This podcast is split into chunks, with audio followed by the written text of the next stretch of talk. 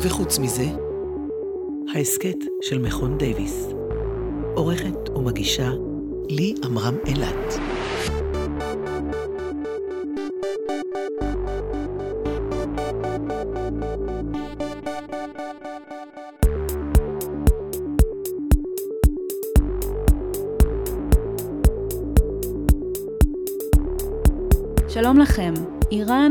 בכותרות, ובה נעסוק גם בפרק הזה שנקרא הגרעין והקליפה. דוקטור אורה בינוביץ' תדבר איתנו על משטר למניעת תפוצת נשק גרעיני, על מקומה של ארצות הברית במשטר הזה ועל התהליכים שהיא מובילה מול איראן בעת הזו. דוקטור דניאל סובלמן ישוחח איתנו על אסטרטגיות של כפייה ומיקוח אגב ההקשר הגרעיני הזה, ופרופסור דוד מנשרי ירחיב על המשטר האיראני, על שאיפותיו להתעצמות באזור, ובכלל זה גם על העניין הגרעיני, מהעיניים האיראניות. כביכול נושא שדובר בו רבות, אבל אנחנו מבטיחים לגוון ולעניין בעזרת שלוש זוויות אקדמיות שונות. מתחילים.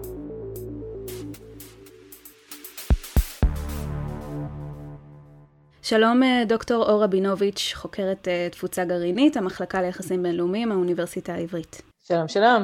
נבקש להתמקד בעזרתך היום באסטרטגיה האמריקנית באשר אה, לתפוצת נשק גרעיני, וכמובן שניגע בהקשר הזה גם באיראן, גם בישראל, ונדבר בעזרתך על הגרעין נטו.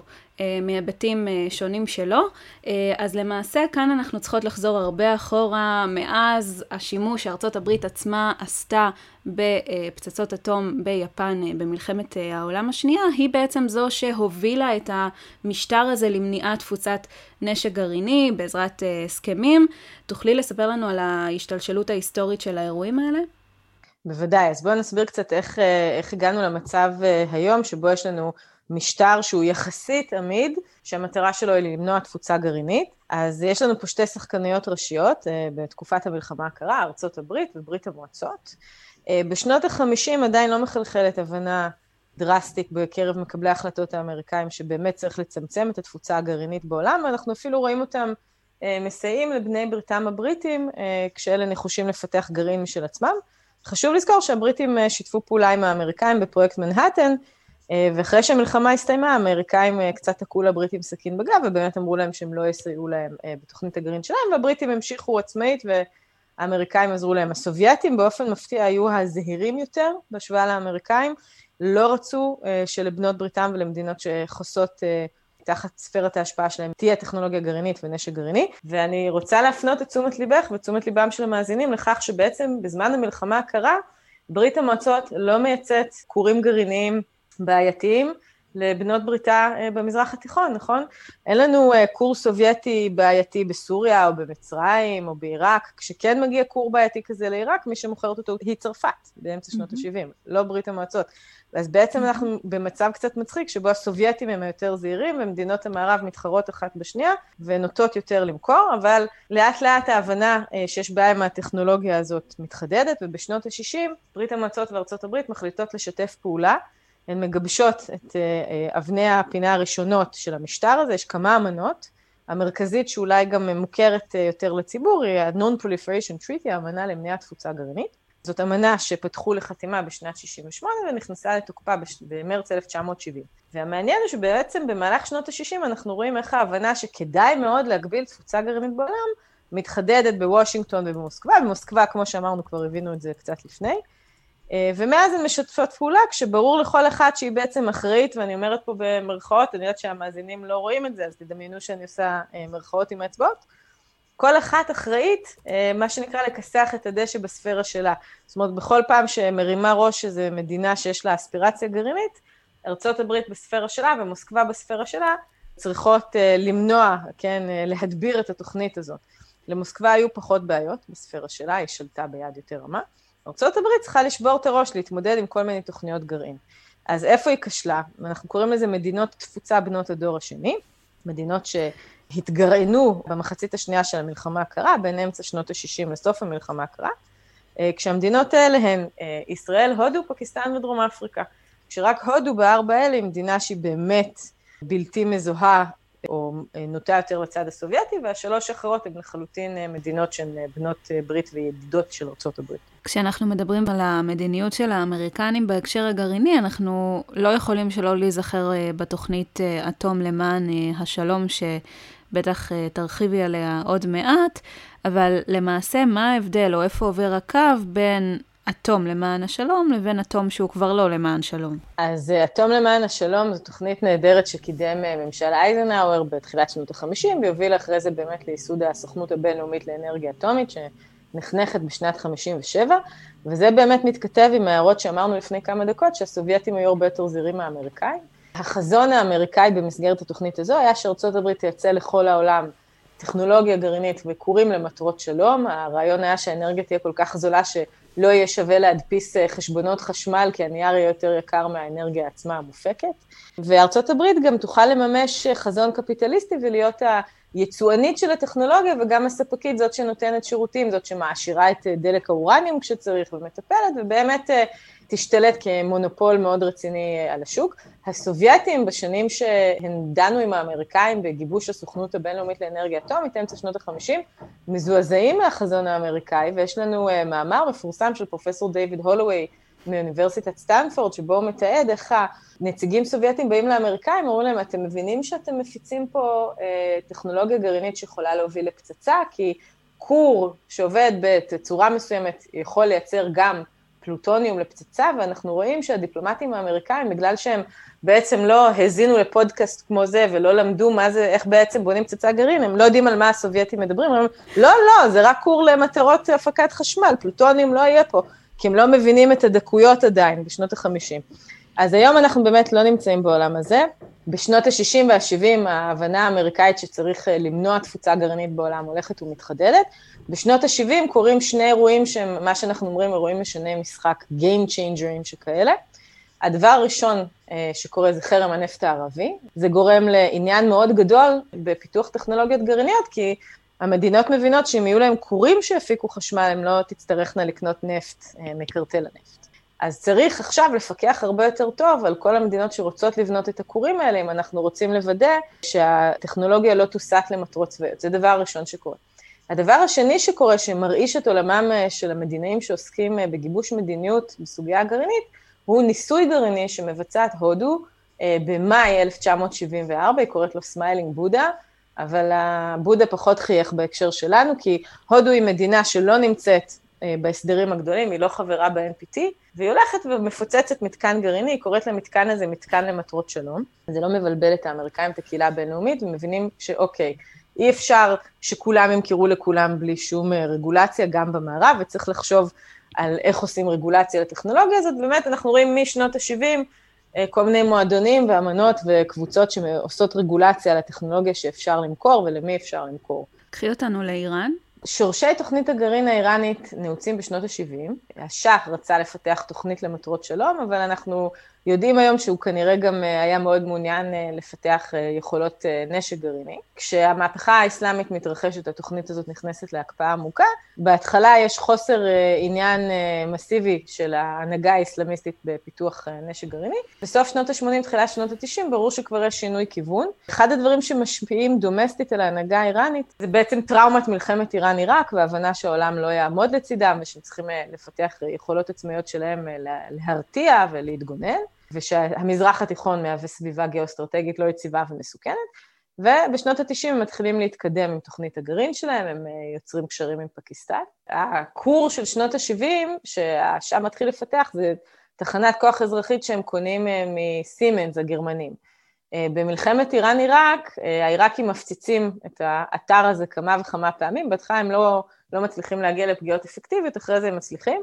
בסוף מלחמת איראן-עיראק, הגרמנים לא רוצים לחזור לשקם את הכור, ובסופו של דבר, האיראנים מביאים את הרוסים לשקם את הכור, לבנות אותו, ובאמת ב-2012 הם מחברים את הכור הזה לרשת החשמל.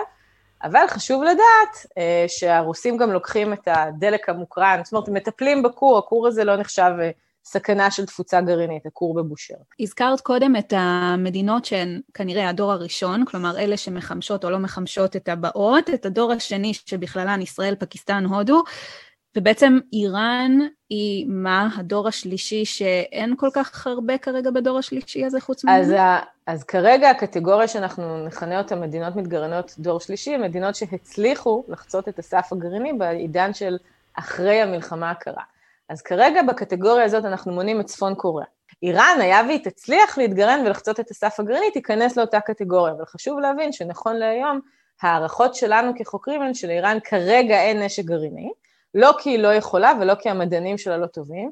צריך להבין שהטכנולוגיה הזאת היא יחסית פשוטה בכלים של היום, בסך הכל מדובר בחידוש טכנולוגי אה, משנות ה-40 של המאה ה-20, אנחנו אוטוטו נחגוג אפילו 100 שנה לחידוש הזה, עוד בימי חיינו, אז באמת טכנולוגיה פרימיטיבית שאין ספק שהמדענים האיראנים יכולים, אם הם רוצים, להגיע אליה.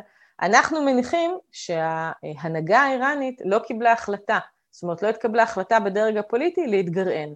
וזה כמובן מביא אותנו אה, לספירה הגר... הפוליטית הגרעינית, לזירה הפוליטית הגרעינית. מה תעשה ארצות הברית, מה יעשו מדינות אירופה, מה תעשו אה, סין, מה תעשה רוסיה, איך ישראל תשתלב. איראן למעשה חתומה על אה, ה-NPT, על האמנה למניעת תפוצת אה, נשק גרעיני, אז שתי שאלות בהקשר הזה, אחת, מה האמנה הזאת כוללת, והשנייה, אם נשמעו טענות שבעצם איראן לא עמדה במחויבויות המלאות שלה כחלק מהאמנה הזאת, אז בשביל מה צריך למעשה הסכם מיוחד לעניין הגרעין האיראני, אם היא אפילו לא עומדת בהתחייבויות הקודמות שלה בהקשר הזה? אז בואו נחדד קצת מה זאת האמנה הזאת, מה זה ה-NPT. אז uh, ראשי התיבות של NPT, The Non-Proliferation Treaty, האמנה למניעת תפוצה גרעינית. זו אמנה מאוד מוזרה, כי באופי שלה היא אמנה מפלה, היא יוצרת שתי קבוצות שיש ביניהן אפליה. על הקבוצה הראשונה האמנה קוראת מדינות שמותר להן להחזיק נשק גרעיני, באנגלית Nuclear Weapon States, מדינות הנשק הגרעיני. מן המדינות האלה, איך אפשר להצטרף לאמנה הזאת uh, בתור NWS, מדינת נשק גרעיני?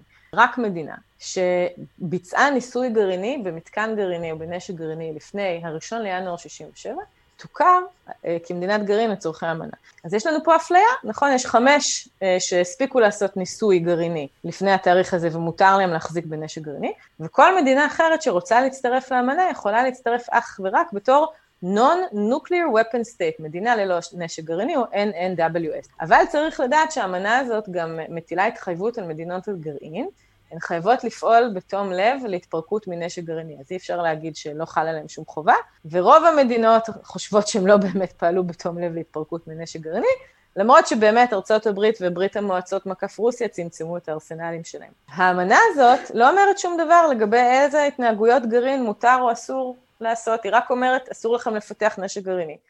והיא דוממת, היא לא אומרת כלום לגבי האם אה, אסור או מותר למדינות להשאיר אורניום, האם אסור או מותר להן לפתח צנטרפוגות מאוד מתקדמות, כל מיני דברים שאיראן עושה. לכן, אתה לא יכול לבוא ולהגיד שעל בסיס ה-NPT, מדינה שסתם מעשירה אורניום היא מדינה בהפרה. למה אנחנו טוענים שאיראן כן הפרה, הייתה בהפרה של האמנה? יש לנו אה, עדויות מודיעיניות שמאוד התחזקו בעקבות אה, ליל הקלסרים, כן, חטיפת ארכיון הגרעין האיראני, שמראות שבין השנים 99 ל-2003, איראן הפעילה תוכנית שהייעוד שלה היה לפתח נשק גרעיני. ככל שאנחנו יודעים כחוקרים בזירה הציבורית הפתוחה, אין לנו מידע ספציפי קונקרטי על כך שמ-2003 ועד היום איראן עוסקת באופן פעיל בפיתוח נשק גרעיני.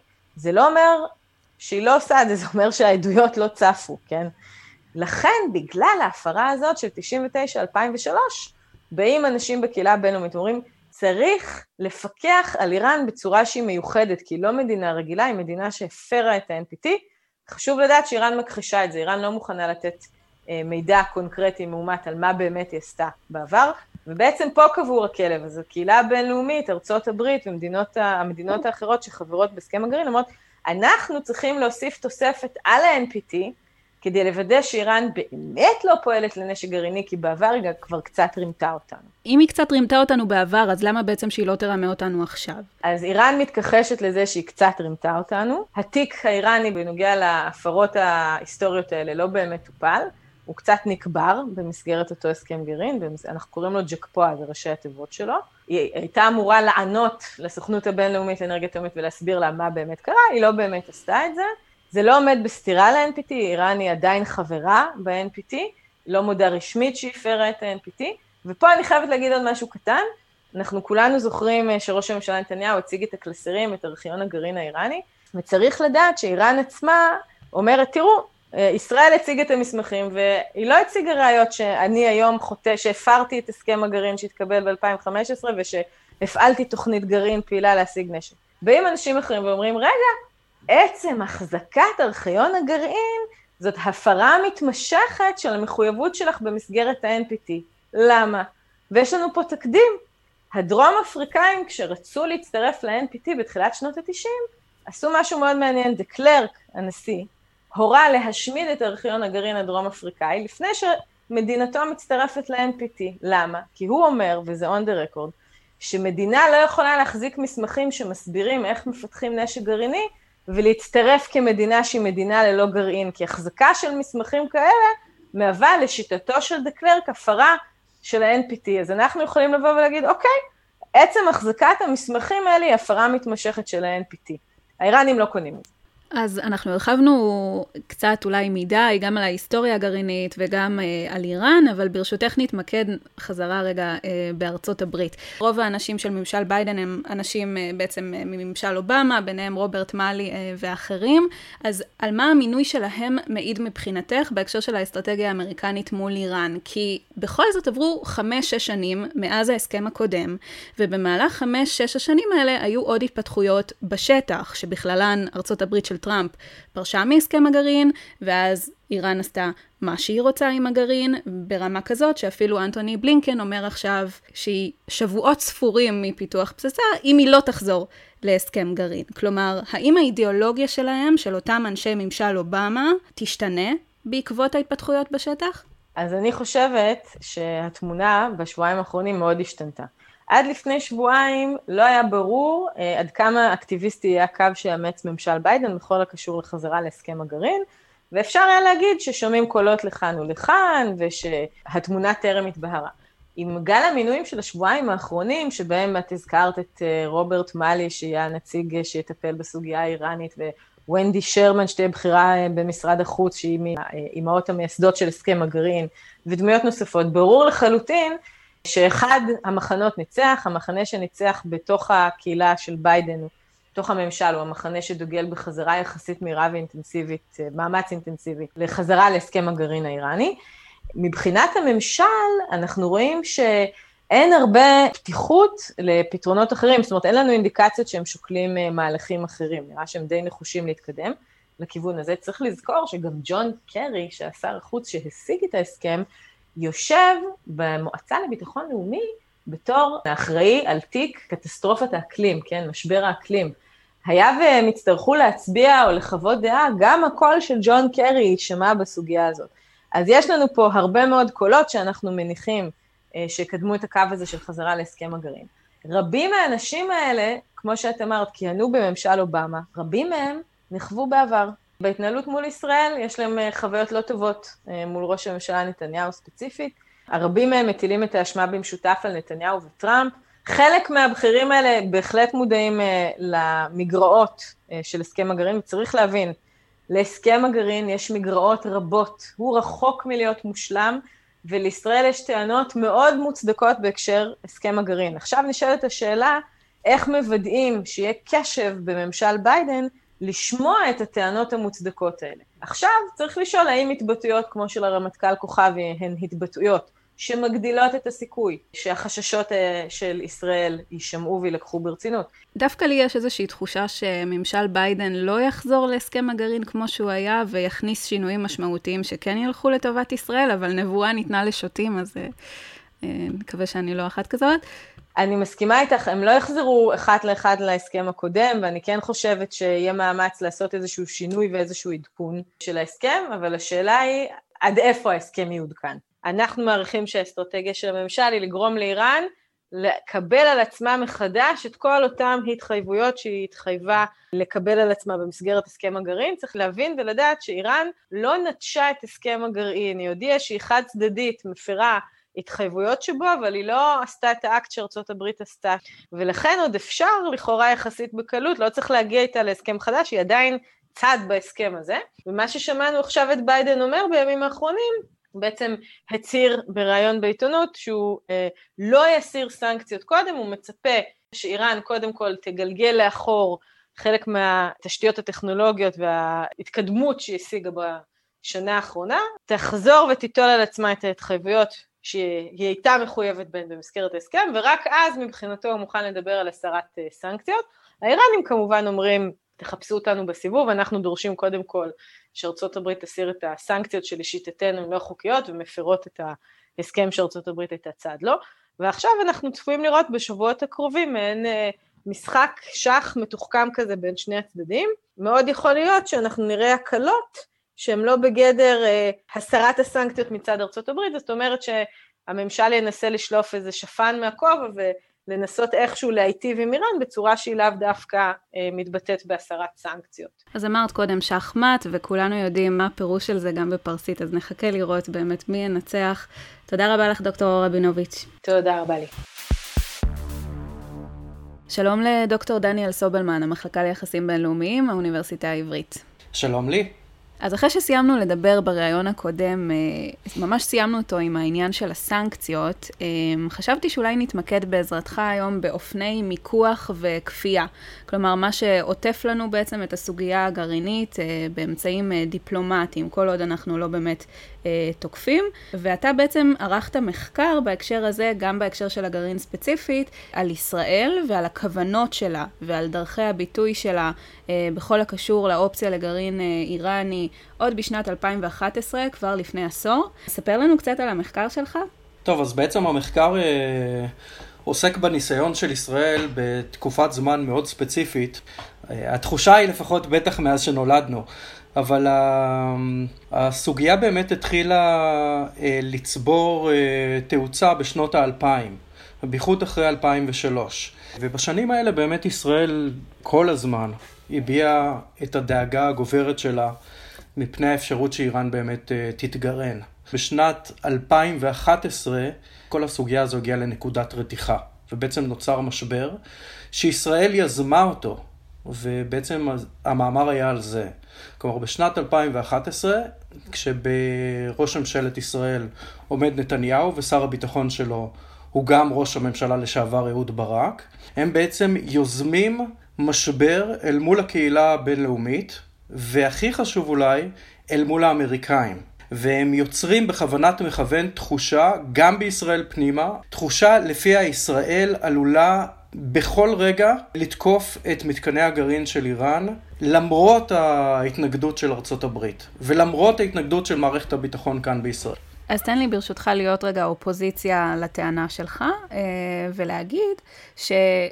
א' כל, מה זה יוזמת משבר? כלומר, אה, אפשר לומר uh, מהכיוון הנגדי שאנחנו לא יזמנו משבר, אלא האיראנים הם שיזמו משבר.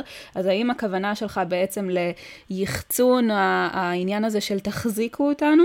ושאלה שנייה, כשאתה מדבר בעצם על העניין של התחזיקו אותנו הזה, האם זה באמת מה שאתה מדבר עליו, האם באמת אין לנו עדויות שישראל באמת התכוונה לעשות את זה? כלומר, התכוונה לתקוף את הדרך לגרעין של איראן? כלומר, האם זה היה משהו שהוא מחושב בשביל להשיג איזושהי תוצאה, או שזה באמת היה שם גם משהו שהוא קצת יותר אותנטי, שמעיד על כוונות אמיתיות? אז א', אה, לגבי העניין של מה זה משבר. משבר בגדול, כשאנחנו מסתכלים על זה בזווית אה, דיפלומטית יחב"לית, משבר נוצר כשיש אה, סיטואציה שבה מדינה, שחקן, מאיים או נתפס כמאיים בהפעלת כוח צבאי, או שכבר הוא באמת מתחיל את ההפעלה של הכוח הצבאי. זה משבר. אין דבר ביחסים בינלאומיים שמושך יותר תשומת לב מאשר האפשרות שמישהו יבוא ויפעיל נשק. עכשיו, שום דבר ממה שאני אמרתי מקודם לא בעצם רימז או לא טען שאני רואה בכל המהלך שהם עשו באותם שנים בלוף, הונאה.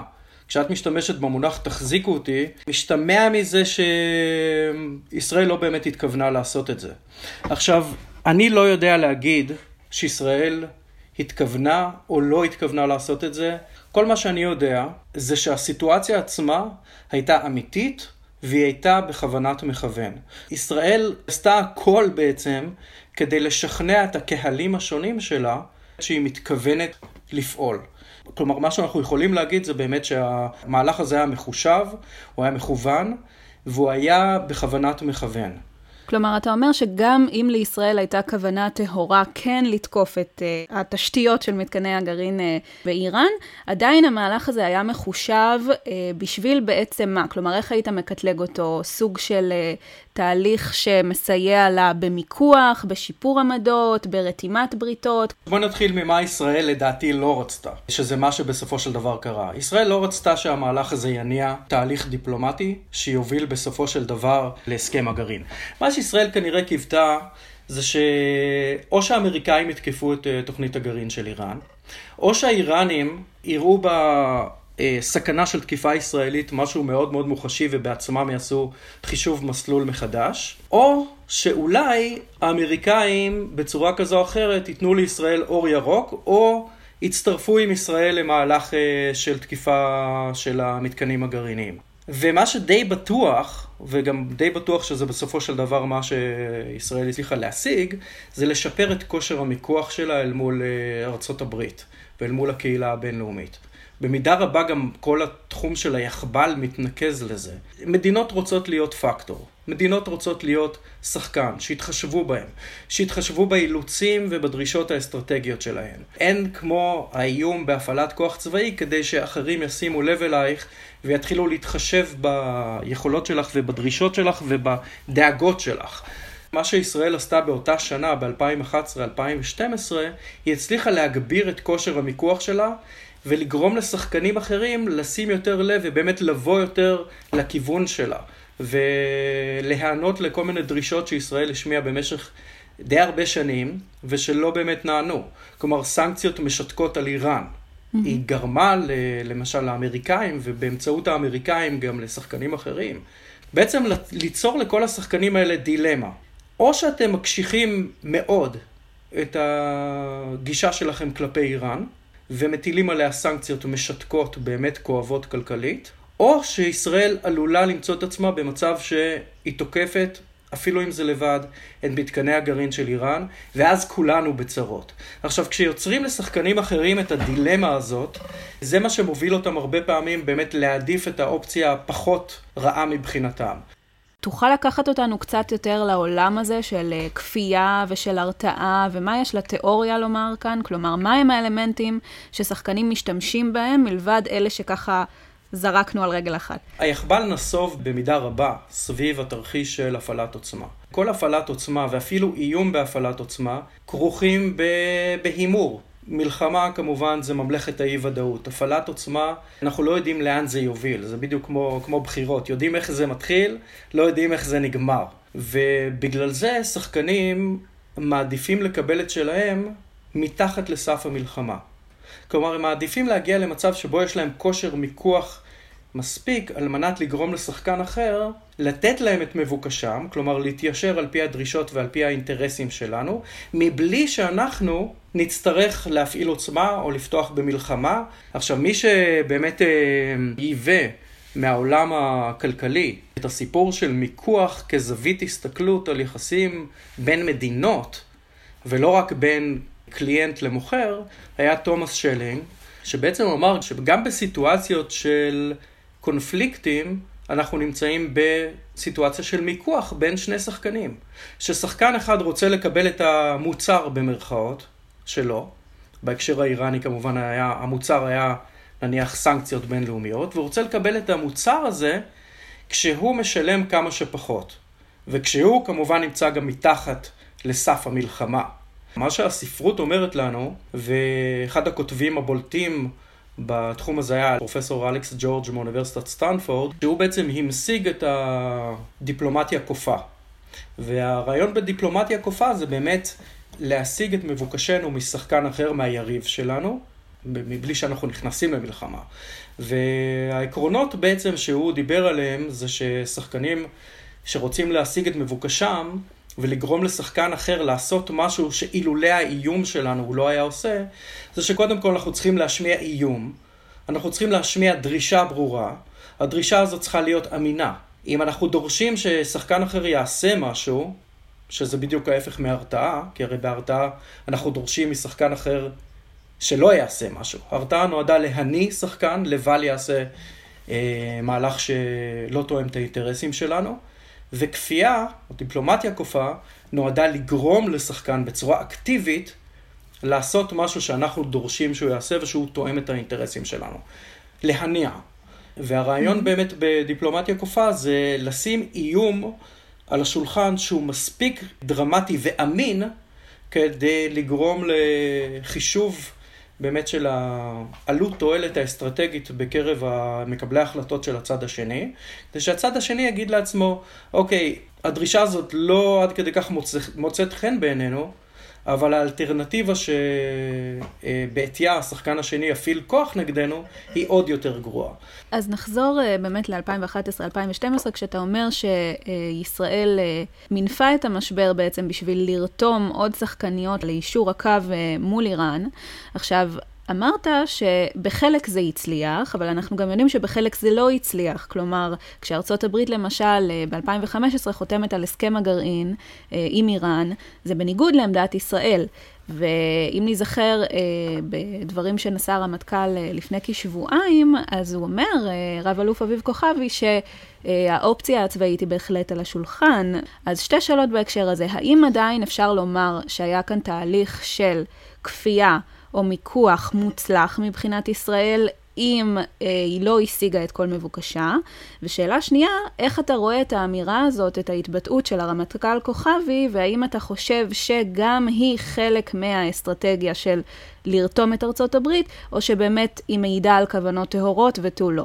לגבי השאלה הראשונה, אה, אם אנחנו חוזרים שנייה לעקרונות של אה, אלכס ג'ורג', בהקשר של אה, דיפלומטיה כופה, רעות דיבר על כך שחייב להיות איום אמין שמונח על השולחן. אמין לא אומר שהשחקן שמחזיק או שמנופף באיום הזה באמת מתכוון לעשות את זה, באמת מתכוון לבצע, אבל זה אומר שהשחקנים אחרים מאמינים לו.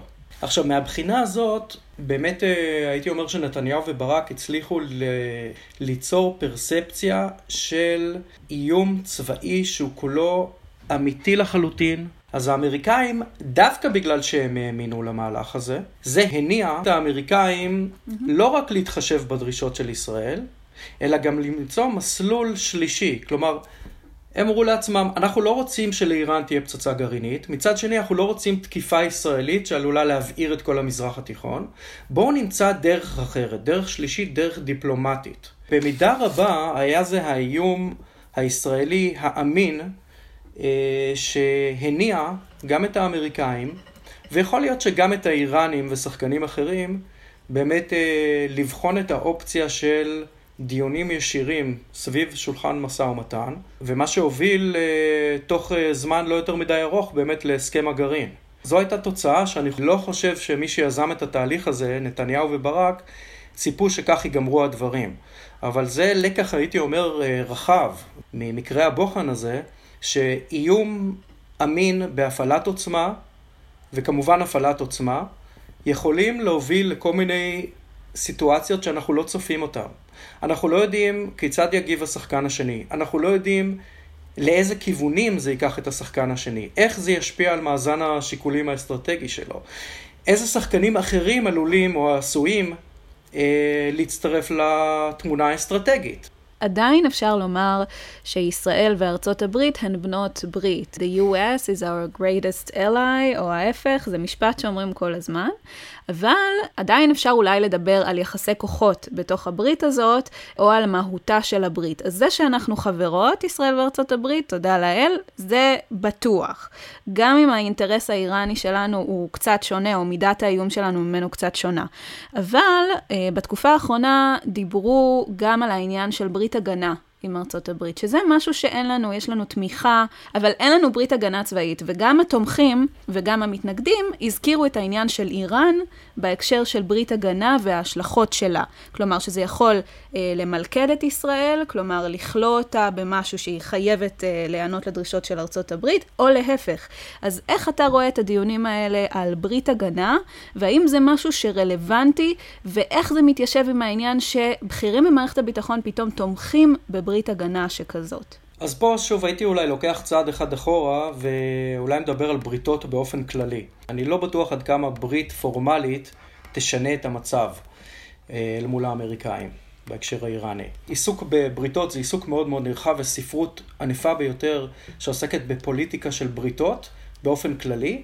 ובפוליטיקה של בריתות אסימטריות. אז זה המצב הרלוונטי לגבי ישראל וארצות הברית, זה שאנחנו עדיין נמצאים באסימטריה אל מול האמריקאים בברית הזאת, שהיא לא ברית פורמלית. בבריתות אסימטריות, השחקן החזק מציע לשחקן החלש עסקה. אנחנו ניתן לכם ביטחון, אנחנו ניתן לכם F-35. השחקן החלש נותן בעצם בתמורה לשחקן החזק, הוא נותן לו את האוטונומיה שלו, הוא מוותר על חלק ממרחב הפעולה שלו. יחסים בינלאומיים שחקנים רוצים לשמר כושר פעולה, כי הם לא יודעים מה ילד יום. כשאנחנו מקבלים משלוחי נשק מארצות הברית, אנחנו במידה רבה קושרים לעצמנו את הידיים, כי הנשק הזה בא עם מה שנקרא strings attached. יש אילוצים פוליטיים, משפטיים אה, למיניהם. אבל כל מה שאתה אומר בעצם על הידיים הקשורות, זה עוד לפני שהגענו לדבר על ברית הגנה, שאז הידיים הרבה יותר קשורות של השחקן החלש, אם אני מבינה נכון את החששות מאותה ברית הגנה, בייחוד בהקשר האיראני. ולכן, מה בעצם האינטרס פה? כלומר, איך אפשר להסביר את האינטרס הזה, והאם זה לא סותר את כל מה שאמרנו קודם על כושר מיקוח וכושר כפייה? אז אני חושב שישראל כבר עכשיו נמצאת במצב, אפילו לפני שהיא חותמת על ברית הגנה פורמלית עם ארצות הברית. היא כנראה לא באמת יכולה אה, להגיע למצב שבו אה, חצי מחיל האוויר הישראלי נמצא באוויר, בדרך לתקיפה חד צדדית באיראן, כשהאמריקאים לא רוצים בכך. צריך לקרות משהו מאוד מאוד דרמטי ומרחיק לכת, כדי שיהיה אפשר להאמין בכלל לתרחיש הזה. אז אני חושב שגם בלי ברית הגנה פורמלית, אנחנו, אנחנו במידה רבה כבר נמצאים שם. עכשיו, אני לא אומר שלישראל אין מה להרוויח מברית הגנה פורמלית. אם אתה אומר שגם קשה להאמין לתרחיש הזה, כל הפוזיציה של האיום האמין בשביל שנוכל יותר להתמקח, היא גם כן קצת פחות אמינה ממה שהייתה ב-2011. זה תלוי איך יעשו את זה. אני חושב שהעובדה שב-2011 כל כך הרבה אנשים האמינו שישראל באמת ובתמים הולכת לעשות את זה. אני לא מכיר אנשים, זולת אחד, שלא הצלחתי לראיין אותו, ושמו ג'ו ביידן, שבזמן אמת היה היחיד שלא קנה את האיום הישראלי. הוא, לפי מה שסיפרו לי האמריקאים שהיו בחדר המבצעים בבית הלבן, ביידן היה היחיד שאמר, תשמעו, אני מכיר את נתניהו כבר 30 שנה, לא מעניין אותי מה המודיעין מראה לגבי מה שישראל מתכננת, אני לא מאמין שיש לו את התעוזה לעשות מהלך כזה. אה, עכשיו, אה, רצה הגורל ואותו ביידן הוא כרגע נשיא ארצות הברית, אז יכול להיות שמהבחינה הזאת יהיה יותר קשה לשכנע את האמריקאים אה, שאנחנו רציניים. דוקטור דניאל סובלמן, היה כיף מאוד לשחק איתך באסטרטגיה פה באזור. תודה רבה לך על הרעיון הזה. תודה רבה לי.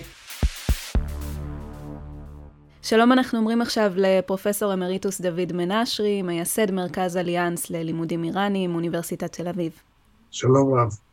כעת אתה בעצם בתהליכי כתיבה של ספר חדש, שעוסק במדיניות האזורית של איראן מאז המהפכה האסלאמית, לא רק בהקשר גרעין, אלא גם בהקשרי אסטרטגיה אה, נוספים באזור. על חלק אתה גם כותב אה, בכתב העת זמנים, שהתפרסם אה, עכשיו, גיליון 143, ובעוד שרובנו יכולים להצביע על אירועים גיאופוליטיים שבהם איראן הייתה מעורבת בשנים האחרונות, אתה צולל לפאזל המחקרי של המדיניות האיראנית, שנעה כמובן מתקופת השאה היותר פרו-מערבית, הערבית לתקופת המהפכה האסלאמית הפרו-שיעית דתית, ואתה טוען שכיום נוצר איזשהו יסוד שלישי בתרבות האיראנית, דבר שאולי יפתיע חלק מהמאזינים, והוא השפעת התרבות המערבית. למה בדיוק אתה מתכוון? הזהות האיראנית מושתתת היסטורית על שני יסודות. הלאומיות הפרסית, האימפריה הפרסית, העבר הטרום-אסלאמי של איראן, והלאומיות של היום. מצד שני, יש את היסוד הדתי, האסלאמי. איראן הייתה מראשית המאה ה-16 להשיעה היא דת המדינה. עכשיו, מה שאני טוען, אה, שבעצם הדמות הזאת, הדו-ראשית, אה, הפכה להיות עם שלושה מרכיבים ולא שניים, כי במאתיים השנים האחרונות אנחנו כל הזמן רואים את השפעת התרבות המערבית, המפגש עם המערב בזהות האיראנית. הייתה מהפכה אסלאמית, אבל חלק גדול מהדברים הבסיסיים באיראן הם עדיין תוצאה של ההשפעה המערבית. הלאומיות האיראנית היום, שהיא גוברת אפילו בהתוויית המדיניות על האספקטים הדתיים, היא מוצר מערבי. פרלמנטריזם זה מוצר מערבי. אה, החינוך שלהם, המדע, הם מלמדים ביולוגיה והם מלמדים פיזיקה ומלמדים את כל הדברים האלה, שכמובן זה לא סותר את האסלאם, אבל מערכת ההשכלה הגבוהה האיראנית היא העתק של המערכת האמריקאית. כך שמבחינה זאת איראן יש לה שלושה מרכיבים שונים והם נמצאים בתחרות. אני גם מנסה לבדוק איך המתח הפנימי בין הזהויות האלה והתפיסות השונות של מה זה מדיניות אסלאמית מניבות את המדיניות. ופה אולי מילה אחת רק אני אומר, שאנשים מדברים על הכל אסלאמי, אסלאמי, אסלאמי, כאילו שהכל זה אסלאמי, והאסלאם זה דבר אחד. אז לא, אין פרשנות אחת לאסלאם, אין פרשנות אחת שהיא טובה מאחרת. זאת אומרת, אפילו המשטר האסלאמי לא יכול לבוא ולהגיד לי שזאת הפרשנות הנכונה, למה? כי זה מה שאני חושב. אין דבר כזה. השיעה מרשה פלורליזם. ויש דעות שונות, ובתוך המערכת הפוליטית האיראנית בכלל יש מאבקי כוח אדירים. הבעיה היא, לתמצת את זה, שמי שרוצה לעשות שינוי אמיתי באיראן לא יכול, ומי שיכול לא רוצה, ושם אנחנו תקועים בעניין האיראני. אתה מצביע בעצם על מונח שמוכר גם למרבית העוסקים ביחסים הבינלאומיים, והוא משחק סכום אפס, רק שכאן אתה מכיל אותו על פנים איראן ולא על יחסיה עם, עם המדינות האחרות. תוכל להרחיב בעניין הזה של ההתנגשות בין האידיאולוגיות השונות או העקרונות השונים שמובילים את המשטר? כל תנועה מהפכנית, הייתי אומר גם כל תנועה פוליטית, במעבר מאופוזיציה לשלטון, היא מתגמשת עם האידיאולוגיה לטובת האינטרס. ובאיראן קרה מה שקורה בכל מקום אחר. ביום שאתה תופס את השלטון, אתה צריך לנהל מדינה, אתה צריך להאכיל אנשים. אז מה זה ש, שחומני אמר שבמדינה, רפובליקה אסלאמית, אנשים לא ישלמו על חשמל, מים, תחבורה ציבורית וכך הלאה. הוא תפס את השלטון ומשלמים. אתה אומר כאן אבל שהמשטר האיראני הגיע לאיזושהי מסקנה שעדיף שהאינטרס הציבורי או האינטרס הלאומי יהיה בראש סדר העדיפויות. גם זה הוא ערך איסלאמי מסוים שאנחנו קוראים לו מסלחה, והוא בעצם סוג של גובר על האידיאולוגיה הדתית. נכון, נכון. תראי, שמח שאת מעלה את זה, אבל אני אתקן אותך במשהו ש... מסלחה זה עיקרון שחומני, זה, זה באסלאם קיים, זה מסלחה זה האינטרס. ואומר חומני ב-87, שאין ברירה והאינטרס מחייב, מותר למשטר אסלאמי להרוס מסגד ולבטל את חמשת עקרונות היסוד של האסלאם. זו אמירה קשה, שאף אחד אחר חוץ מחומני לא יכול להגיד דבר כזה. עכשיו השאלה היא, במה אני קצת רוצה לתקן אותך, אני לא אמרתי שזה האינטרס של הציבור. ופה השאלה, האם זה אינטרס של הציבור? האם זה אינטרס של המדינה? האם זה אינטרס של המשטר, או האינטרס של שרידות המנהיג שעומד בראש המשטר? עכשיו, אם אתה איסלאמיסט, אז הכל זה אותו דבר. אבל אני חושב שאת ההבחנה הזאת היום כבר עושים באיראן. כשאמרתי שכל מהפכה משנה את תפיסותיה במעבר מאופוזיציה לשלטון, היא עושה את זה לא בהתנדבות, היא עושה את זה כשאין ברירה, כשיש התנגשות בין האינטרס לבין התורה המהפכנית, האינטרס גובר על התורה. אז איך זה משתלב עם העניין הזה שהגישה האיראנית כלפי ארצות הברית וכלפי ישראל, שבעצם עוינות, איך זה משתלב עם העניין של האינטרס? כי אני הייתי חושבת שאינטרס אה, טוב יותר אולי לשנות את היחסים וככה להרוויח מכל העולמות. אז א', אני אומר לך שאני מסכים איתך. רוב האיראנים מסכימים איתך. השנאה לארצות הברית לא קיימת בעם האיראני, נקודה. סיפר לי מישהו שהיה אחד מבני הערובה בתחילת המהפכה, שהם תפסו את בני הערובה האמריקאים בשגרירות האמריקאית. הוא אמר שלפני שתפסו את השגרירות, על קירות השגרירות היו גרפיטי, ואחד מהם היה כתוב Yankees go home, ומישהו כתב מתחת לזה and take me with you. עד כדי כך הם שונאים את ארצות הברית. עכשיו זה כן מתיישב, עם ארצות הברית הם בסוף כן דיברו וכן מדברים וכן ידברו כנראה בקרוב עוד פעם. ישראל היא שונה, כי אידיאולוגית אתה נגד ישראל ואין לך מספיק סיבה פרקטית להיות בעד, כי ישראל משרתת מטרה. אם רוצים להסביר למה המצב הכלכלי גרוע, מאשימים את ישראל ואת היהודים. שעיר לעזאזל קלאסי. כן, עכשיו, עכשיו אתה רוצה להיות מנהיג העולם המוסלמי. מה יותר טוב מאשר להניף את דגל פלסטין? דגל ירושלים. השיעים עבורם ירושלים זה לא המקום הראשון בסדר העדיפויות. תני להם עלי וחוסיין, תני להם קרבלה. כן. אבל אתה, אתה מניף את הדגל של, אתה עושה אצבע בעין לערבים שלא טיפלו בעניין הפלסטיני, כאילו שהם, איראן מטפלת בעניין הזה, ואתה הופך להיות למנהיג העולם האסלאמי, ואני עכשיו מביא את הנושא המרכזי שלך, זה הגרעין. איך זה קשור? מדינה שרוצה להיות מנהיגת העולם המוסלמי, חייב שיהיה להם את האופציה של הגרעין. עכשיו הם מתכחשים לזה. אני מציע לך לא להאמין להכחשות האלה. אני לא רוצה להיכנס לזה אם הם ישתמשו או לא ישתמשו. אבל דבר אחד ברור, במלחמת איראן ועיראק, הם דיברו ברצינות על האופציה של הגרעין. חומני ביקש לדעת ממשמרות המהפכה וממי שהיה ראש המג'לס והוא היה נציגו כרפסנג'אני, כמפקד העליון של, ה, של הכוחות המזוינים, מה צריך בשביל לנצח במלחמה? הם אומרים שמעולם לא עלה הרעיון הזה. אני אומר mm-hmm. לך ולצופים שלך שלא יאמינו בזה, כי זה עלה, ומפקד משמרות המהפכה בעצמו מודה בזה, שבסוף המלחמה, והם רצו להפסיק את המלחמה, חומני שאל מה צריך בשביל זה, אז הם נתנו לו מספר החיילים שצריך לגייס, ומספר הטנקים, ומספר המטוסים, ובנוסף הם ביקשו יכולת סייבר, ושלוש נקודות כתוב שם במסמך, והכוונה היא לגרעין. המדינאות האיראנית היא מתוחכמת מאוד. עכשיו, בתוך זה יש מאבקי כוח בתוך איראן. עד עכשיו הם טענו שני דברים. מעולם לא חשבנו על יכולת של גרעין כנשק. הנה יש לי עכשיו בשבילך חדשות טריות.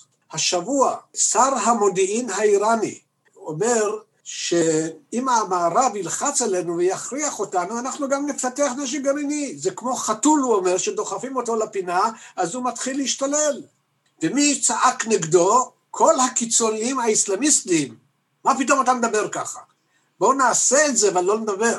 דבר שני שהם אומרים, יש פתווה של חמינאי, פסק הלכה, נגד פיתוח נשק גרעיני. זה טוב להגיד את זה לנבערים במערב, סליחה על הביטוי. Okay. עכשיו בואי, תשימי את עצמך במקום, במקום האיראנים. הנשיא אובמה קבע קווים אדומים לסוריה, שאם ישתמשו בנשק כימי, אוי ואבוי. אז השתמשו בנשק כימי. ומה הוא עשה? ואתה יושב בטהרן ואתה אומר, רגע, אם למדינה קיקיונית כזאת כמו סוריה, הוא לא אמר קיקיונית, אבל אומר, מדינה כזאת קטנה, אתה לא מגיב, האם הם יתקפו אותנו אם נפר את ההסכמי גרעין? לא.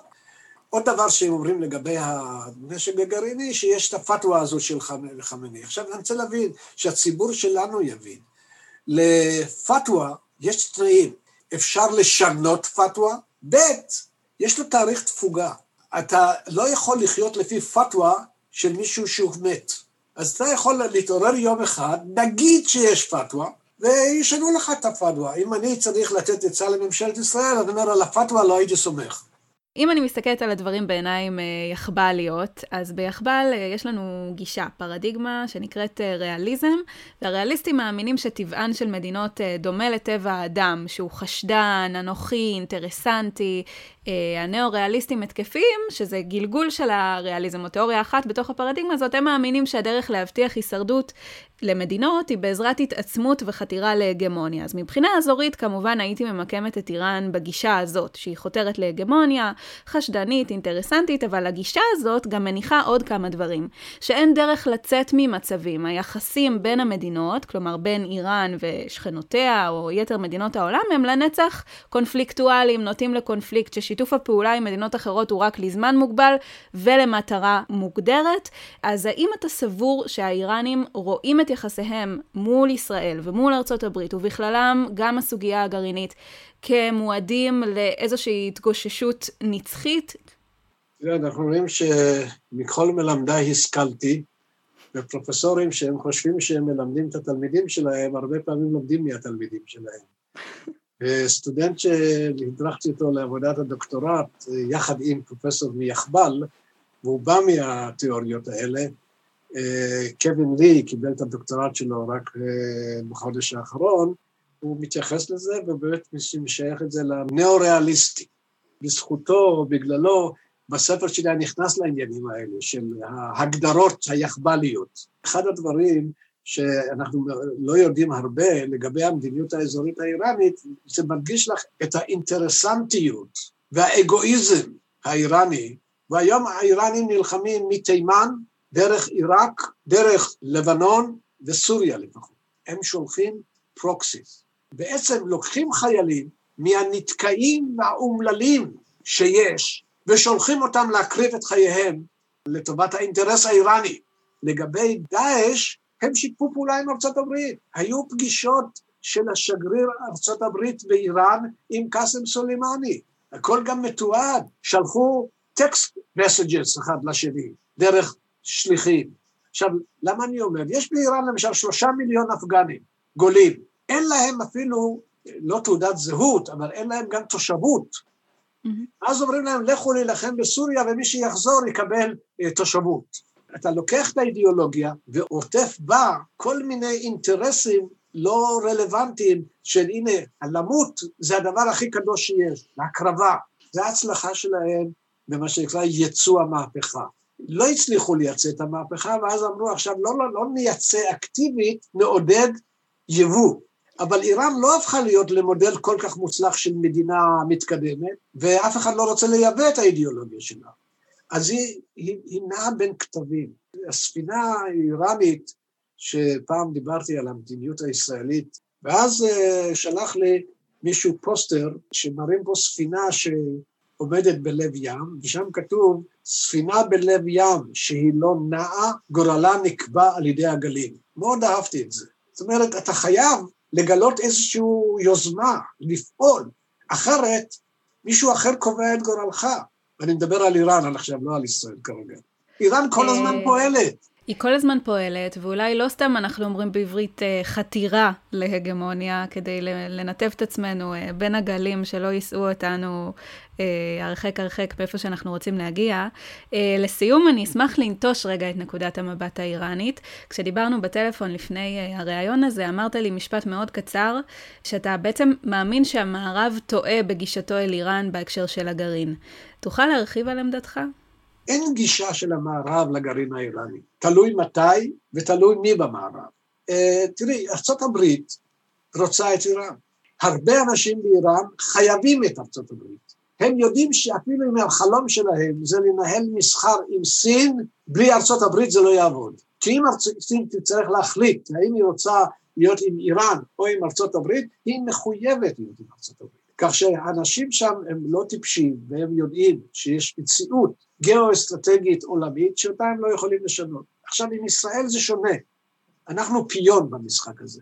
המערב טועה כי הוא צריך להחליט בעניין איראן מה, או לבקש מאיראן דברים שהם יכולים to deliver. ואתה בא ואתה עושה איתם הסכם גרעין. שאני לא אהבתי את ההסכם הזה, גם לא התנגדתי לו בסוף הזמן. אני אמרתי את זה לא פעם. ביולי 2015, כשזה היה קרוב מאוד להסכם, שהסכם גרוע בתנאים האלה יותר טוב משלא יהיה הסכם. טראמפ יצא מהסכם הגרעין, האם הם היום יותר רחוקים או יותר קרובים לגרעין מאשר היו באפריל 2018? הם יותר קרובים, וישראל עוד יותר הולכת צעד, והפכה את העניין הזה של הגרעין האיראני כנושא דגל, התנדבנו להיות הדוברים הראשיים בנושא האיראני, המוטו של המוסד זה בתחבולות תעשה לך מלחמה. אולי כתוב שם אחרת, באין תחבולה יפרע עם. אתה צריך קצת יותר להיות מתוחכם. אתה רוצה לתקוף, תתקוף. ואני כבר אמרתי למנהיגים ישראלים, המשטר באיראן הוא נפל קורבן למנהיג שלא מרפה. אני הייתי בשנתיים האחרונות למשטר של השאה, עשיתי מחקר באוניברסיטת טהרן, הייתי שנתיים באוניברסיטת טהרן. העם האיראני לא הלך למהפכה כדי להביא משטר אסלאמי. אף אחד לא ישכנע אותי, הייתי שם. המהפכה הזאת, כמו המהפכה הצרפתית, כמו הקומוניסטית, כמו האחרות בעולם, הייתה על שני יסודות של חופש ורווחה, לחם וחירות. וזאת השאלה שעומדת לפתחו של כל איראני. האם בשתי המטרות האלה מצבנו יותר טוב או פחות טוב? רוב בני העם האיראני המצב לא טוב. אם אני חוזרת למערב, אז מה שטראמפ עשה ברגע שהוא נסוג מהסכם הגרעין זה בעצם להטיל סנקציות שמנסות לשתק את המשטר האיראני, ובעצם אולי להגדיל ככה את אה, עומק השבר הכלכלי. מה שכמובן יכול בעקיפין לגרום לסוג של אה, התקוממות של איראנים אל מול המשטר עצמו. אבל גם זה לא קרה, ואנחנו רואים שלמשל בהקשר הגרעיני, הסנקציות פספסו את המטרה שלהן, כי הנה, אתה בעצמך אומר שאיראן קרובה יותר לגרעין, אז איך אפשר מבחינה מערבית להגיע לאיזשהו הסדר אה, של המערב אל מול איראן? לחץ על איראן, לחץ צריך להיות חכם. אם אתה בא ואומר, אנחנו נטיל סנקציות עד שהעם יתקומם ונעזור לעם להתקומם, אתה משיג מטרה הפוכה. הבעיה של המערב עם איראן שההתמקדות הייתה בגרעין, רק בגרעין. ואני חושב שהיו דברים אחרים שהמערב היה חייב לעמוד עליהם לפני הגרעין, וישראל הייתה חייבת לעמוד על הרבה לפני שעוסקים בגרעין, במדיניות האזורית של איראן, שהם עכשיו יושבים לנו על הגבולות. אני לא אומר שלא נעשה, אבל צריך אה, היה לפתור את זה ולטפל בזה הרבה קודם. הדבר השני, כל העניין של זכויות האדם באיראן. והמערב חייב, אם הוא חושב שהם מניפים את הדגל של ההומניזם והדמוקרטיה, הם חייבים גם בדברים האלה להתייחס. יש לאיראן נקודות תורפה רבות. אתה צריך בשיטה של המקל והגזר, אבל לא לנופף כל הזמן במקל. יש פה ש- שני פתרונות לאיראן. אחד, זה לכבוש את איראן. אני לא מדבר עכשיו כישראל, זה לא עולה על הדעת שישראל תעשה את זה. או להפיל את המשטר. אתה לא תכבוש את איראן, ואתה כרגע, כל מה שניסית להפיל את המשטר בדרכים האלה, לא הצלחת. אתה צריך למצוא דרך אחרת לדבר ולהגיע לאיזה שהן הסכמות. לשיטתך, כרגע אולי כדאי לעשות שימוש במילים או בהסכמים, אבל כזה שמאגף את איראן לא רק מהנקודה הגרעינית, אלא גם מעוד נקודות תורפה רבות אחרות, נכון? את צודקת לחלוטין, אבל לפי דעתי אנחנו איחרנו בזמן. איראן היא כל כך קרובה לגרעין, שהיום אתה לא יכול להתעסק עם דברים אחרים, אתה חייב להתמקד בגרעין. מאוד רציתי שנסיים את הריאיון אה, עם נימה אופטימית כלשהי. יש אופטימיות, תראי, איראן היא מדינה רציונלית. זה כבר מקום לאופטימיות. זה לא בית משוגעים שקם בבוקר ותמות נפשי עם פלישתים. הם כמה פעמים איימו להפסיק את תנועת המכליות הנפט במפרץ הפרסי, הם לא עשו את זה. השאלה היא האם אני יכול לסמוך על ההיגיון והרציונל שלו כשהוא יבוא לקבל החלטות הרות גורל. אז תודה לך על הפתח אה, האופטימי הזה, שגם מתחבר לנו להנחת הרציונליות אה, שעל בסיסה בעצם מושתתים היחסים הבינלאומיים. תודה רבה לך, פרופסור דוד מנשרי, על הרעיון הזה. תודה, תודה רבה לי, שמחתי. וחוץ מזה, ההסכת של מכון דייוויס. עורכת ומגישה לי עמרם אילת.